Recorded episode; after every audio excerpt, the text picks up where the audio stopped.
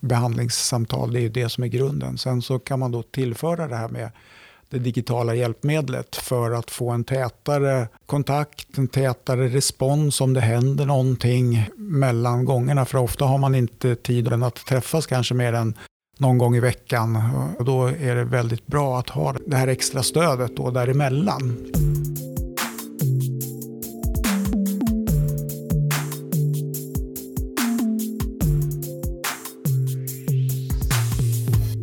Och välkommen till det 40 avsnittet av FoU-podden. Det här avsnittet kommer att handla om digital alkoholprevention.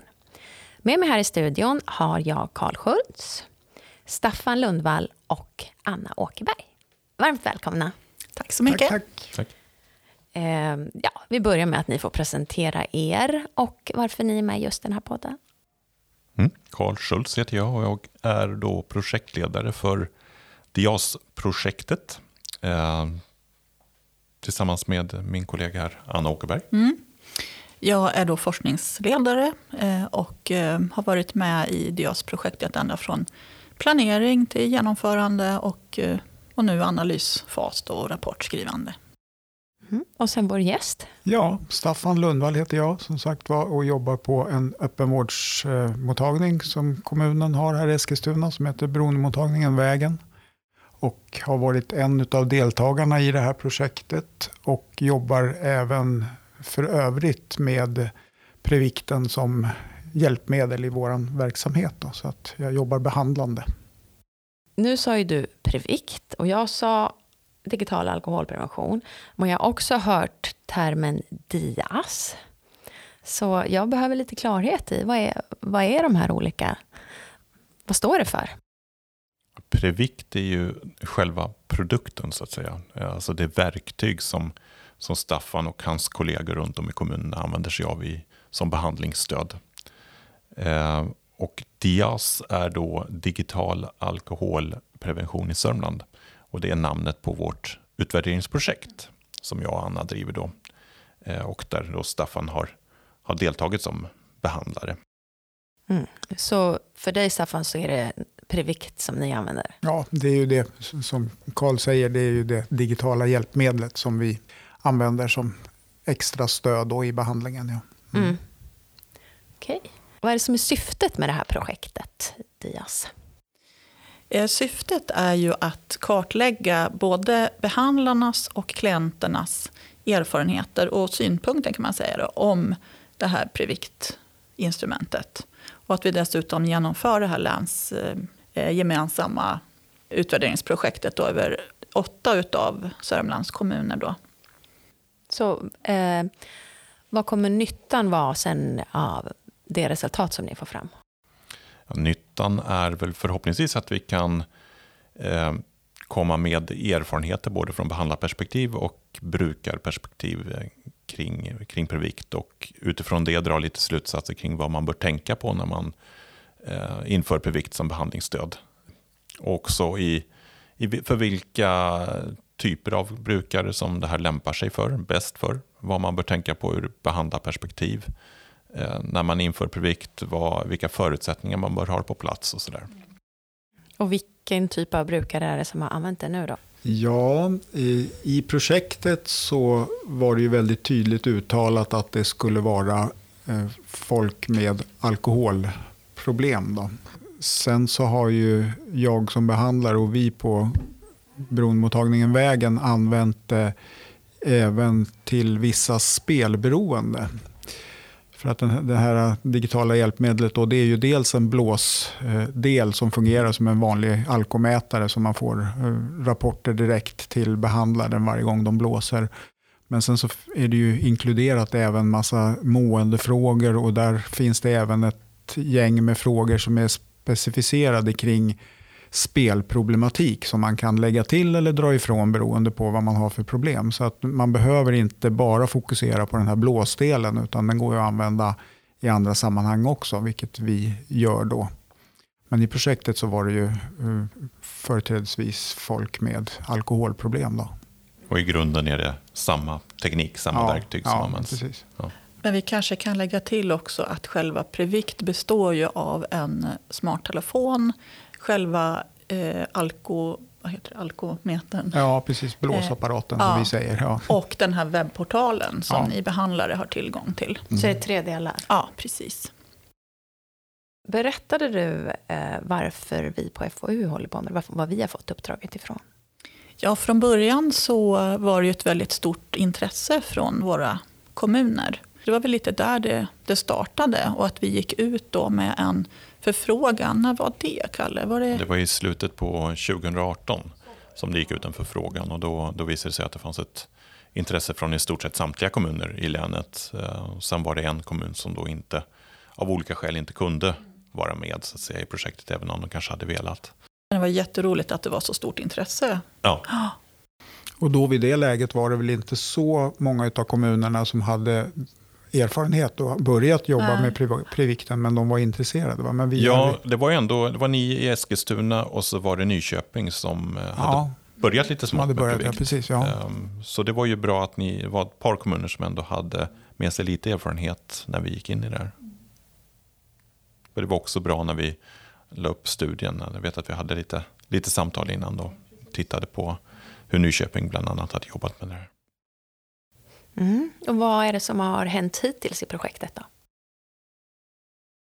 Eh, ja, vi har ju, eh, om man ser till eh, eh klienterna då, så har de ju dels fått en, eh, en enkät innan de påbörjar den här testperioden. Eh, och sen är det ju är meningen då att de skulle genomföra en testperiod med det här previktinstrumentet på maximalt sex månader. Och när de hade slutfört den så fick de besvara en ny enkät. Så då har vi alltså förmätning och eftermätning. Eh, sen har vi ju samlat in all den här datan då som själva Previkt-instrumentet registrerar. Då.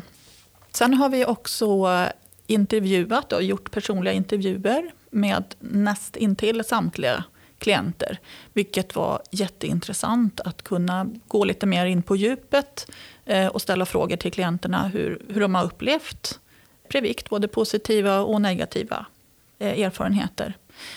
Sen var det likadant för er behandlare. Ni fick också besvara en enkät innan den här testperioden, innan de började använda Previct då, tillsammans med sina klienter. Och en enkät sen när testperioderna var slut. Vissa behandlare hade ju också flera klienter. Då, så att när samtliga klienter var färdiga med sina testperioder så blev det nästa enkät. Eh, och sen har vi också gjort de här fokusgrupperna då med behandlare eller projektledare. Beroende lite grann på hur kommunerna såg ut så var det ibland så att projektledaren och behandlaren kunde vara samma person. Då. Men då har vi också gått in lite mer på djupet och samlat liksom deras erfarenheter av projektet. Då. Vi kanske kan tillägga det också att det här är ju en studie som använder sig i huvudsak av kvalitativa metoder. Eh, Det är alltså ingen kvantitativ studie där vi objektivt försöker, försöker mäta resultatet av previkt. För det är också svårt, även om vi hade en, en mycket större mängd av, av klienter i projektet så hade det varit svårt att veta vad är det i resultatet som beror på previkt? och den, vad är det som beror på den behandling man får i övrigt. Utan Previkt är ju som ett behandlingsstöd till eh, den ordinarie behandlingen eh, som kan vara väldigt olika behandlingsmetoder också. Och det innebär att, att det vi är intresserade av är ju i första hand just erfarenheterna som Anna berättade här då, kring både, från både behandlarperspektiv och, och brukare eller klientperspektiv. Då. Um, sen får vi också in kvantitativ data från Previct som system. Ehm, men det kanske blir mer intressant senare i eh, projektet när det ska skrivas en forskningsartikel också. Men för, för utvärderingen så är det väl i, i första hand just det du redogjorde för nu, Anna, kring brukare och eh, klienter, bruk, eh, behandlare. Ja, behandlare och klienter ska jag säga. Eh, erfarenheterna som är intressanta. Mm. Eh, Staffan, om du kan berätta lite mer hur det går till rent praktiskt när ni använder Previct, hur det funkar. Vi ser det ju inom behandlingen som ett väldigt bra tillskott, alltså ett hjälpmedel i behandlingen. Det är ju ingenting som utesluter något, någon annan del, för att vi, grunden är ju ändå det här med mötet och eh, samtal, fysiska möten som eh, eh, behandlingssamtal. Det är ju det som är grunden. Sen så kan man då tillföra det här med det digitala hjälpmedlet för att få en tätare eh, kontakt, en tätare respons om det händer någonting mellan gångerna. För ofta har man inte tid och möjlighet i öppenvården att träffas kanske mer än någon gång i veckan. Och, så där. och Då är det väldigt bra att ha den här, det här extra stödet då däremellan. Och då eh, gör man helt enkelt så att när man introducerar Previkten så går man ju igenom tillsammans med klienten då på vilket sätt man vill att den ska fungera. Grunden då när det gäller alkoholproblematiken är ju att man bestämmer hur många gånger om dagen man ska blåsa till exempel. Och det, det finns väl någon grundinställning på att man ska blåsa tre gånger om dagen, morgon, middag och kväll. Och då anpassar man det till dygnsrytmen för varje klient. När vaknar du på morgonen? Eh, när är det lämpligt att blåsa första gången? När går du och lägger dig på kvällen? När är det lämpligt att blåsa sista gången? Och sen anpassar sig den tiden emellan där på dagen så att det blir utspritt under, under dagen, då, de vakna timmarna. Sen utöver det då så finns det ett antal måendefrågor. och Det finns ju en hel hoper med extra, eh, extra allt kan man säga i den här eh, previkten som eh, man kan använda. Då. Det finns allt ifrån måendefrågor, där fyller man i eh, antingen redan färdiga frågor som hur har du sovit, eh, hur har du ätit, hur har din dag varit, eh, Eh, och så kan man skriva egen, egen formulerade frågor också som är anpassade till varje klient. Om det är något speciellt som man vet kan vara en trigger för att man ska öka risken för att man tar ett återfall och sådär. Så det där jobbar man fram tillsammans så att det blir så bra och nära den klienten som möjligt. Sen så finns det andra funktioner då med både dagbok så att man kan gå in själv och skriva om det är så att man vill skriva med egna ord, om det är något speciellt som har hänt. Eh, och sen finns det en eh, känsloknapp, kallas den för, där man kan eh, fylla i olika känslor. Det kan vara om man har känt ilska eller om man har varit ledsen eller sådär. Och sen så hur starkt och i vilket sammanhang och sådär. Så att man kan se också om det händer saker ganska snabbt. Här händer det någonting med den här klienten och då kan man återkoppla ganska fort och försöka ta kontakt och hur är läget nu och sådär. Man ser på måendefrågorna till exempel. Nu har de, den här klienten sovit väldigt dåligt i flera nätter. Kanske är det en indikation på att det är risk för att det blir ett återfall ganska snart och sådär. Så då kan man ta kontakt även mellan gångerna och sådär. Och så finns det en annan viktig funktion också. Det är hjälpknappen där man kan bestämma att man eh, eh vad gör jag om det blir väldigt, väldigt jobbigt? Då trycker jag på den här hjälpknappen och då kommer det upp ett förslag på hur ska jag hantera det som man själv har kommit fram till. Och det kan även innefatta bilder till exempel. Om man vill att en bild på ens barn ska komma upp i telefonen då, och man, som en motivation till att nej, men jag ska allt hålla mig nykter. Så, så kan man lägga in det. Eller också om det kommer någon vettig liten kommentar. Sådär, att ta kontakt med din sponsor eller andra saker sådär som kan vara viktigt. Då. Eh, jag tänkte bara på eh, det du berättar nu om vad Previkt, vad man kan göra.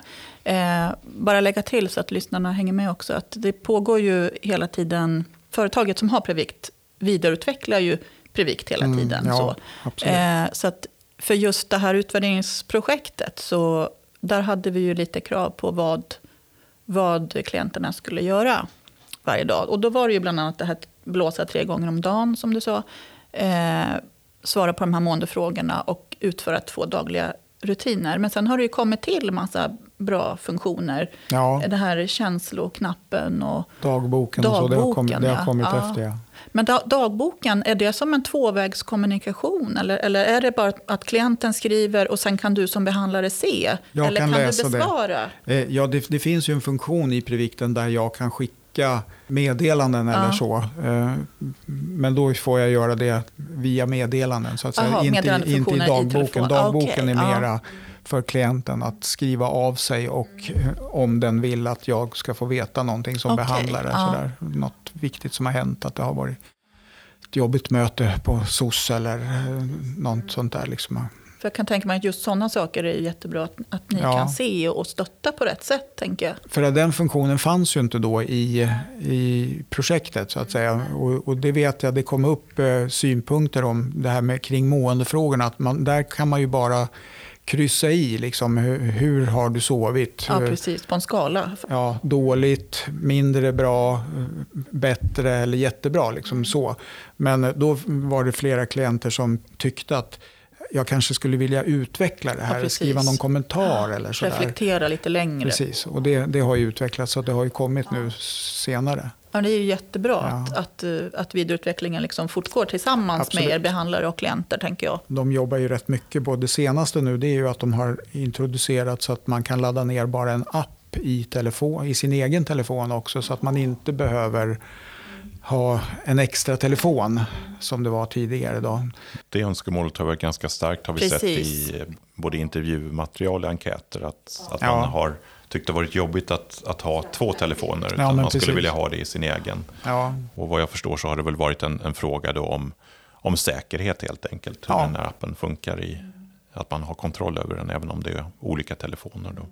Men och både klienter och behandlare har ju från varsitt håll föreslagit det här att man skulle Ja. ha i sin egen telefon för att förenkla. Så att det är ju jättekul att höra att, att de har tagit till sig det och att det har kommit. ja. Och en annan bit som jag tänker på har utvecklats ganska mycket. För det, här, det finns ju olika delar i användningsområdet på den här Previkten. Och det är ju dels eh, vi då som jobbar med vuxna och med behandling så att säga. Ser ju det som ett hjälpmedel i behandlingsprocessen. Men eh, sen så finns det ju trots allt även den här kontrollfunktionen. Alltså i till exempel eh, familjeärenden, umgängesärenden och så där det, är risk, eller där det är oro för barnen och sådana saker. Att socialtjänsten vill ha kontroll på att man håller sig nykter och, och sådär. Och där har de ju också kommit längre eh, eh med att utveckla bland annat en, en del för barn. Så att barn kan ha en egen eh, och reagera också om de upplever saker. Att man gör det gemensamt naturligtvis i överenskommelse med föräldrarna och sådär. Så att det, det är många sådana bitar. Men eh, där är inte jag så involverad ut, eftersom jag bara jobbar med vuxna. Då, men eh, man får ju information och så i alla fall. Så att, Det där är också någonting som har eh, kommit fram mycket i, kanske framförallt i intervjuerna. Hur man ser på det här med eh, Previkt som en kontrollfunktion. För det är ett stöd å ena sidan, men det finns ju också en, en kontrollaspekt av det. Ehm, men det är inte enbart av ondo. Jag vet att en klient, jag tror det var du som intervjuade den klienten Anna, så eh, var det en klient som, som eh, hade det här som ett verktyg just i en, en vårdnadsprocess och kunna visa, påvisa att man faktiskt har varit nykter. Att det var en, har varit en kontroll och att man har hållit sig nykter. Mm. Och att man kände en väldig trygghet i det.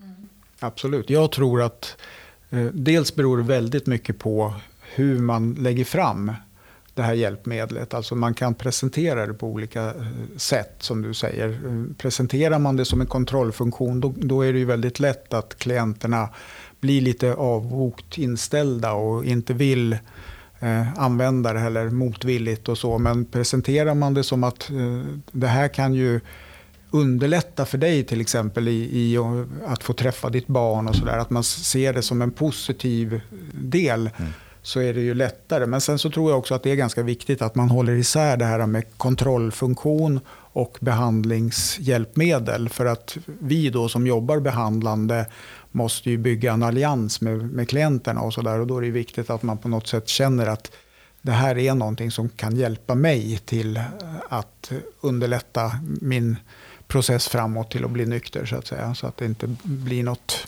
kontrollerande där för mycket. Men jag tänker på bara en reflektion, klienterna som var med i projektet nu, så såg ju deras eh, livssituation eller, och motivation väldigt, alltså det kunde skilja väldigt mycket på hur deras liv såg ut. Och det här nu som du säger att man ska presentera det på ett bra sätt för klienten. Jag tänker att är det lite samma sak där? Att beroende på hur den här klientens situation ser ut kan det vara så att du behöver individanpassa det här eh, vad just hen ska få ut utav Previkt. Mm, jo, absolut. Och, och, och där finns ju väldigt stora variationer i hur man kan använda den. Liksom. Så att det är ju väldigt viktigt det här äh, introduktionen av den och att man anpassar det tillsammans med klienten så att det blir någonting som, som känns hjälpsamt. Och där kan det ju vara, där vet jag till och med att det var så eh, att någon hos oss då som var med i projektet eh, var väldigt dålig med att sköta det här med blåsandet till exempel. Men eh, tyckte att det var jätteviktigt att få svara på de här måendefrågorna varje dag för att liksom påminna sig om vad som var viktigt för att hålla sig, ja, må bra och, och så. så att, mm. Ytterligare en aspekt på det här med, med kontroll respektive stöd är att ibland så går de också in i varandra lite. För det är också kommentarer vi har fått både från behandlarhåll och, och klienthåll. Att man kan gå på sina möten och slipper ha en en diskussion kring hur har det gått, har du hållit dig nykter? För då vet både klienten och behandlaren status från början i, i mötet. Absolut. Um, och så tänkte jag på det du, du pratade om innan här, antalet det, det, var egentligen en hypotes från vår sida om man kunde minska antalet fysiska möten eh, under tiden man använde Privikt som behandlingsstöd.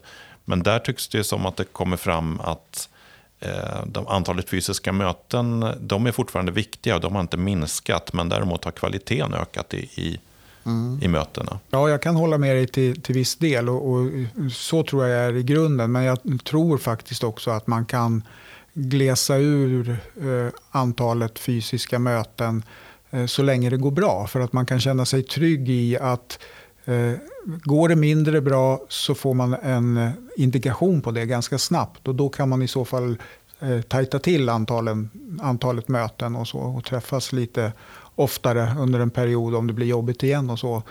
Eh, för att eh, det är väl det som är skillnaden. Har man inte previkten då måste man ändå träffas för att stämma av om det går bra eller inte. Då blir de fysiska mötena ändå en form av kontrollfunktion. Ja, ja men precis mm. så. Så det är lite skillnad. Men jag tänkte bara lägga till en sak också som vi glömde, eller som jag glömde, som man kan använda Previkten till. Det är ju att man kan också lägga in en funktion där man kan checka in på till exempel A-möten eller så. Alltså att man kan lägga in, du ska gå på A-möten fyra gånger varje vecka eller någonting sånt där. Och då när man kommer dit på samma sätt som man kan göra på Facebook eller så, så kan man checka in Eh, och man ser att man har varit där. Mm. Liksom så. Så att mm. det är också Via GPSen då, i ja, telefonen. Precis, det är, och det är många klienter som har, som har gjort det, som har tyckt att det har varit mm, bra. För man kan ja. ju inte fuska ifrån nej, det heller. Nej, men precis. Utan den följer ju med i GPSen. Ja, där som precis. Ja. Jag tänkte lite på det här hur mycket som krävs av klienten när det gäller just den här webbdelen, hur, hur ofta ska man gå in? Jag förstod att dagboken och känsloknappen var väl när man själv kände för det bara. Mm. Men den andra, finns det någon minimigräns eller så? Hur ofta man måste gå in och svara på de här frågorna? Ja, för det första, man gör ju allting i telefonen. så att säga. De behöver ju inte logga in någonstans på någon mm, webbsida eller sådär. Utan allting sker i telefonen. Och eh, när det gäller då blåsandet så kommer man ju överens om, som jag sa tidigare, då, med vilka tider och sådär. Det sköter man ju de tiderna. Och då har man ju också ett eh, fönster vid varje, ett tid, tidsfönster vid varje tillfälle. Så att eh, man kan ha typ två timmar. Men det där kan man justera lite tillsammans. För att ibland kan det ju vara svårt att få till att göra det här vid ett specifikt klockslag. Så att eh, då kan man säga att eh, du har två timmar från det, mellan 8 och 10 på morgonen att, att lämna det här blåstestet. Då, och så där. Och sen så när det gäller måendefrågorna så är det ju också någonting som man oftast bestämmer att man ska göra var, en gång om dagen. Så att man får en koll på hur måendet ser ut och hur sömnen har varit, om man har ätit som man ska och sådär. Men det är också möjligt att variera. Alltså man bestämmer det tillsammans med klienten. Så det är väldigt flexibelt så där på, på det sättet faktiskt. Men då loggar man in, då får man en, en liten påminnelse också. Man lägger in om man vill ha en påminnelse varje dag vid en viss tid. Till exempel klockan sju på kvällen så får jag en liten påminnelse på att jag ska komma ihåg att svara på mina måendefrågor innan jag går och lägger mig. Liksom så, där. så gör man det då. Och varje gång man ska blåsa får man också en påminnelse. Det var det jag tänkte säga. Att det var väl ofta så att klienten skulle svara på måendefrågorna vid ungefär samma tidpunkt. Mm. Eh, men just i projektet så, så var just svara på måendefrågorna varje dag ett av kraven. Och sen de här två dagliga rutinerna. Och det var ju lite olika hur många klienter som gjorde de här dagliga rutinerna. Men eh, många upplevde av de som gjorde dem att, att eh, just det här att få in rutiner i sin vardag, att det var ett stöd. Och det kunde ju handla om att man skulle gå upp på morgonen en viss tid, eller att man skulle gå ut med hunden eller ta en promenad. Det var någon som hade en, en morgonrocksdag, att den skulle liksom chilla lite grann och ta det lugnt en viss dag i veckan. Och, och så här. Så att, men just mm. det här att få in rutiner i sitt dagliga liv. Mm. Och det var ju inte bara just rutinfunktionen i, i Previkt utan överhuvudtaget att använda Previkt mm. gav en rutin i sig. Va? Så att det hade ett egenvärde. Och jag vet att en del klienter tyckte det var väldigt monotont att svara på måendefrågorna varje dag. Man bläddrade bara igenom dem i princip och, och kryssade i. För man tyckte att man hade ungefär samma mående varje dag. Eh, men bara det att göra dem att man hade den rutinen, det var, gav någonting också.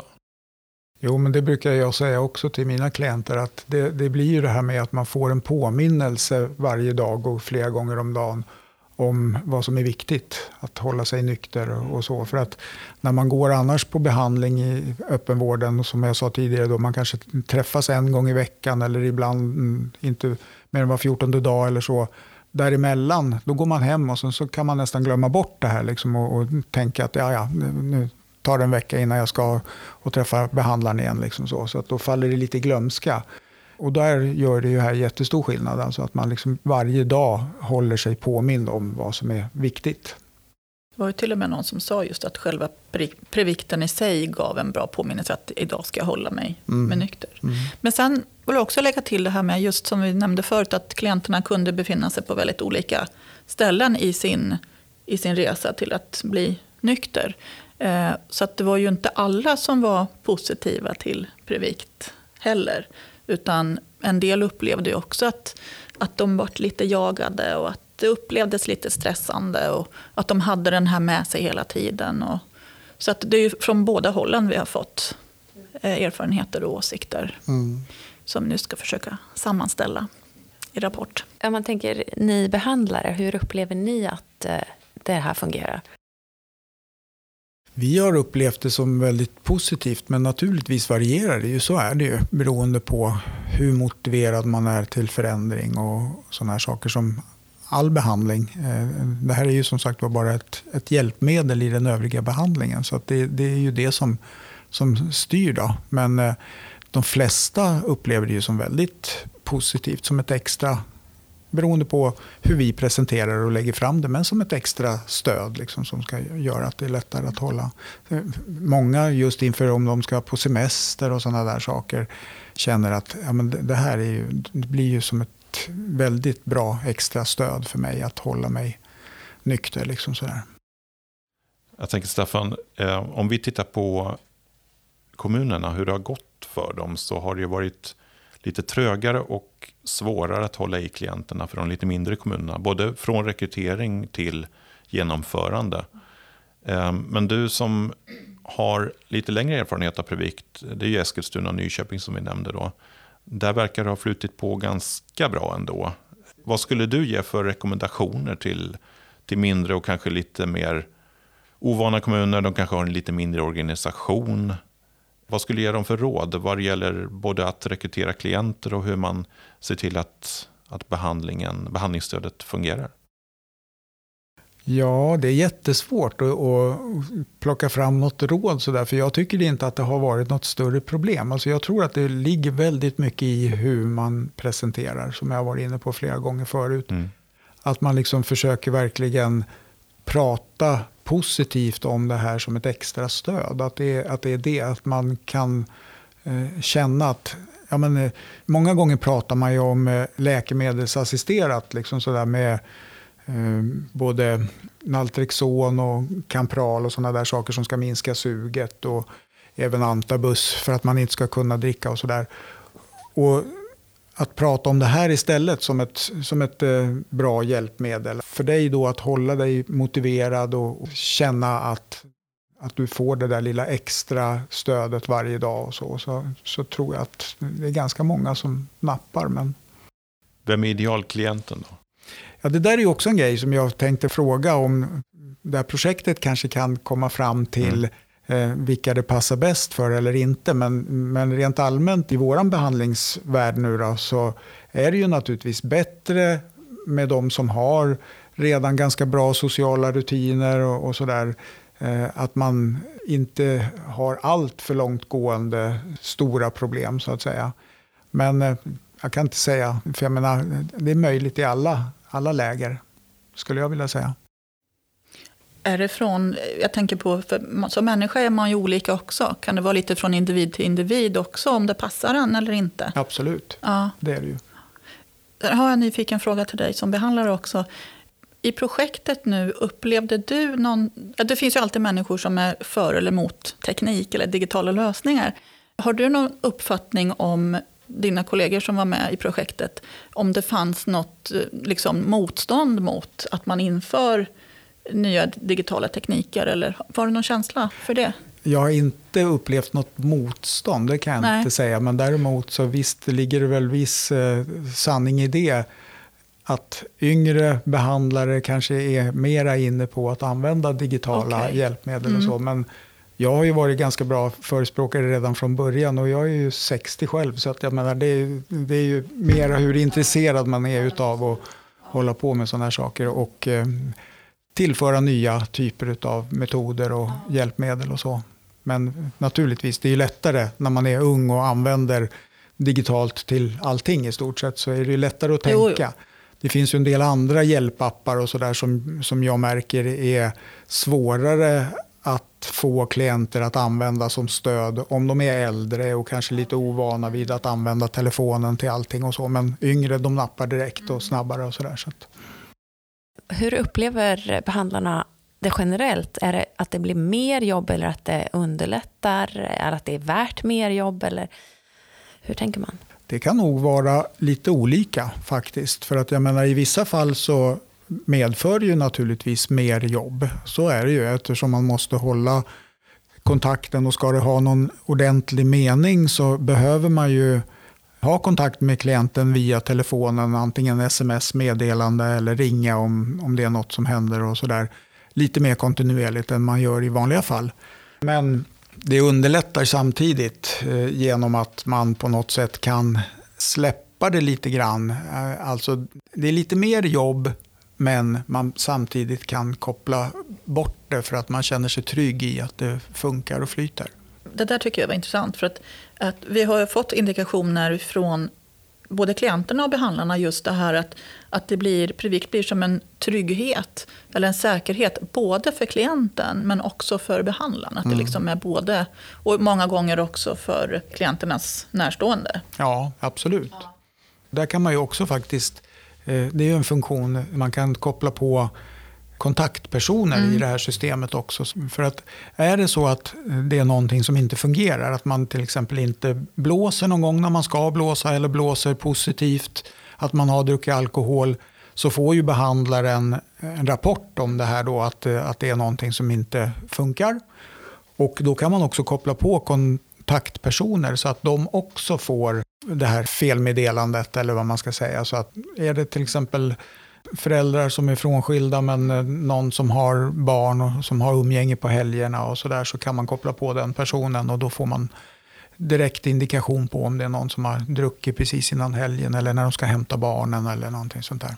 Och det motsatta tänker jag också, för det har vi också hört berättas att man gentemot sin, den andra vårdnadshavaren eller gentemot sin arbetsgivare kan visa att man faktiskt har hållit sig nykter. Och Kommer man eh, försovit sig på måndagen så, så kan det faktiskt, man kan visa att det var, jag försov mig, det var inte Nej, ett precis. återfall. Va? Ja. Nej, men det, är jätte, det kan kännas jättebra för den klienten som använder det också, att ja. kunna göra det. Och där finns det ju också det här med att man kan ju blåsa emellan de här fasta gångerna också. Om det är så att man missar morgontiden till exempel för att man har försovit sig eller någonting sånt där så, så kan man eh, lägga in att man kan lägga, ge, ge, en extra, en egen blåsning så att säga. Alltså, om man har mellan 8 och 10 på sig och så missar man 10-tiden där och då, då, är det liksom inte helt kört utan då kan man halv elva när man vaknar ändå blåsa så ser man att jag har gjort ett försök och då var jag nykter i alla fall. Liksom så, även om jag försov mig den här dagen. Så, så att, det finns många möjligheter. Mm. Systemet är ganska flexibelt. Ja, verkligen. Och det blir Mm. mer och mer flexibelt. Mm. Så att det är bra. Jag har suttit och funderat på, det låter ju som att det här skulle kunna funka på även andra eh, typer av klienter. Om man tänker till exempel vid ätstörning eller kanske depression eller ångest eller Absolut. sånt. Ja, men Inom psykiatrin. används det på annat eller är det? Nej, alltså nu sitter jag och pratar om mm, Previkten som om jag var involverad i det företaget. Men jag vet att det var någon därifrån som var hos oss och, och informerade för ett tag sedan. Och eh, de hade ju funderingar på precis samma saker som du säger, att de skulle kunna använda det även inom psykiatrin och så. Men det här är ju då ett medicinskt hjälpmedel på det sättet att det måste bli godkänt av Läkemedelsverket för att det ska kunna användas vad jag förstår. Och eh, då har de än så länge bara fått tillåtelse att använda det just för alkohol och för spel. Men eh, jag tror ju också att det kommer att kunna användas inom psykiatrin till exempel. För det är ju jätteviktigt det här med hur man mår och vad det är för faktorer som påverkar hur dagen ska se ut med ångest och sådana här saker. Att kunna liksom reflektera över det varenda dag och få det skickat till sin behandlare. Så där, så att det, jag tänker just där att man kunde få ett svar, kan, ring din behandlare eller Mm. en bild på någonting som gör en glad eller vad Ja, som helst. ja. Så att, hur går arbetet vidare nu med hela det här? Ja, nu har vi ju lite press på oss här, Anna, att vi ska få färdigt vår utvärderingsrapport. Mm, och det har vi precis. sagt att den ska vara klar den 25 juni. Precis, nästa Ja. vecka. Ja. Ja, och då ska Mm. vi förhoppningsvis också ha en liten muntlig presentation, fast eh, på distans, digitalt Mm. i dessa coronatider. Då. Och eh, därefter så, ja, förhoppningsvis får vi lite respons från kommunerna. Är det så att Ja, man saknar någonting där, då får vi ju komplettera det efter sommaren.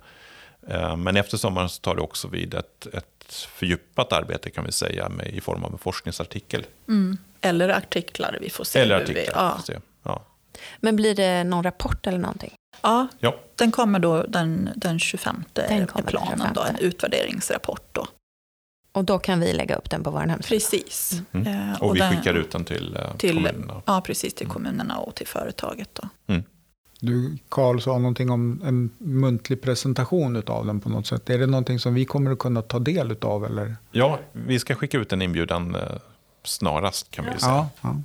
Eh, det har ju varit lite, lite mm, stressigt nu på slutet med att, att färdigställa det här. Så att, men vi skickar ut en, en eh, tid för muntlig presentation och sen eh, får alla som kan delta vara med där. Helt enkelt. Annars får man läsa rapporten i efterhand. Då. Mm. Det här tycker jag var jätteintressant. Har ni något mer som ni tycker att vi har missat? Eller kanske något tips om man själv eller vet någon som tycker att det här låter bra och skulle vilja testa? Eller vad gör man? Eh, jag tycker ju från behandlingssida att det är ju väldigt värdefullt att eh, det görs, eller att det, att det blir i projektform så här också, så att man verkligen kan utvärdera om de här hjälpmedlen är bra eller inte. För jag upplever det ju som väldigt positivt med de här hjälpmedlen. Och det, det är ju väldigt mycket diskussioner just nu överhuvudtaget att utveckla den, de digitala bitarna så att säga. Så att det, Eh, det ligger ju lite i tiden och jag tror att det är bra att utnyttja det i den mån det går. Och just nu med Previkten så är ju det, de ligger ju i framkant. Så att eh, jag önskar att det skulle komma fler hjälpmedel. Att kommunerna själva kunde utveckla eller vad som helst. För jag menar det finns ju behov av underlätta i behandlingen så att säga. Jag tror att man skulle kunna komma ganska långt där. Och vad gäller den här typen av utvärderingar så är det ju inte någonting som vi sysslar dagligdags med, Anna. Utan det här tar ju ganska mycket tid i anspråk och vi är inte så många på FoU så vi klarar av att utvärdera varje ny form av välfärdsteknisk lösning. Men i det här fallet så berodde det på att det fanns ett sådant stort intresse från länets kommuner och att vi råkade också ha lite pengar över att, att lägga in i projektet så vi hade tid att genomföra det. Vi har också en, ytterligare något exempel, Molly till exempel. Det blir nästa podd. Det är nästa podd, ja precis. Eh, Men, men det är som sagt var, för att det ska genomföras en sån här utvärdering så, så krävs det just nog ett, ett ganska stort intresse, inte bara från någon enstaka kommun utan från, från länet i stort och att vi också har tid att avsätta. Eh, Och medel. Och det, det, så var det i, i Previkt-fallet och, och det är vi glada för att det har kunnat genomföra. Men då tycker jag att vi avslutar. Tack så jättemycket för att ni berättade om det här. Tackar. Tack, tack för att jag fick komma.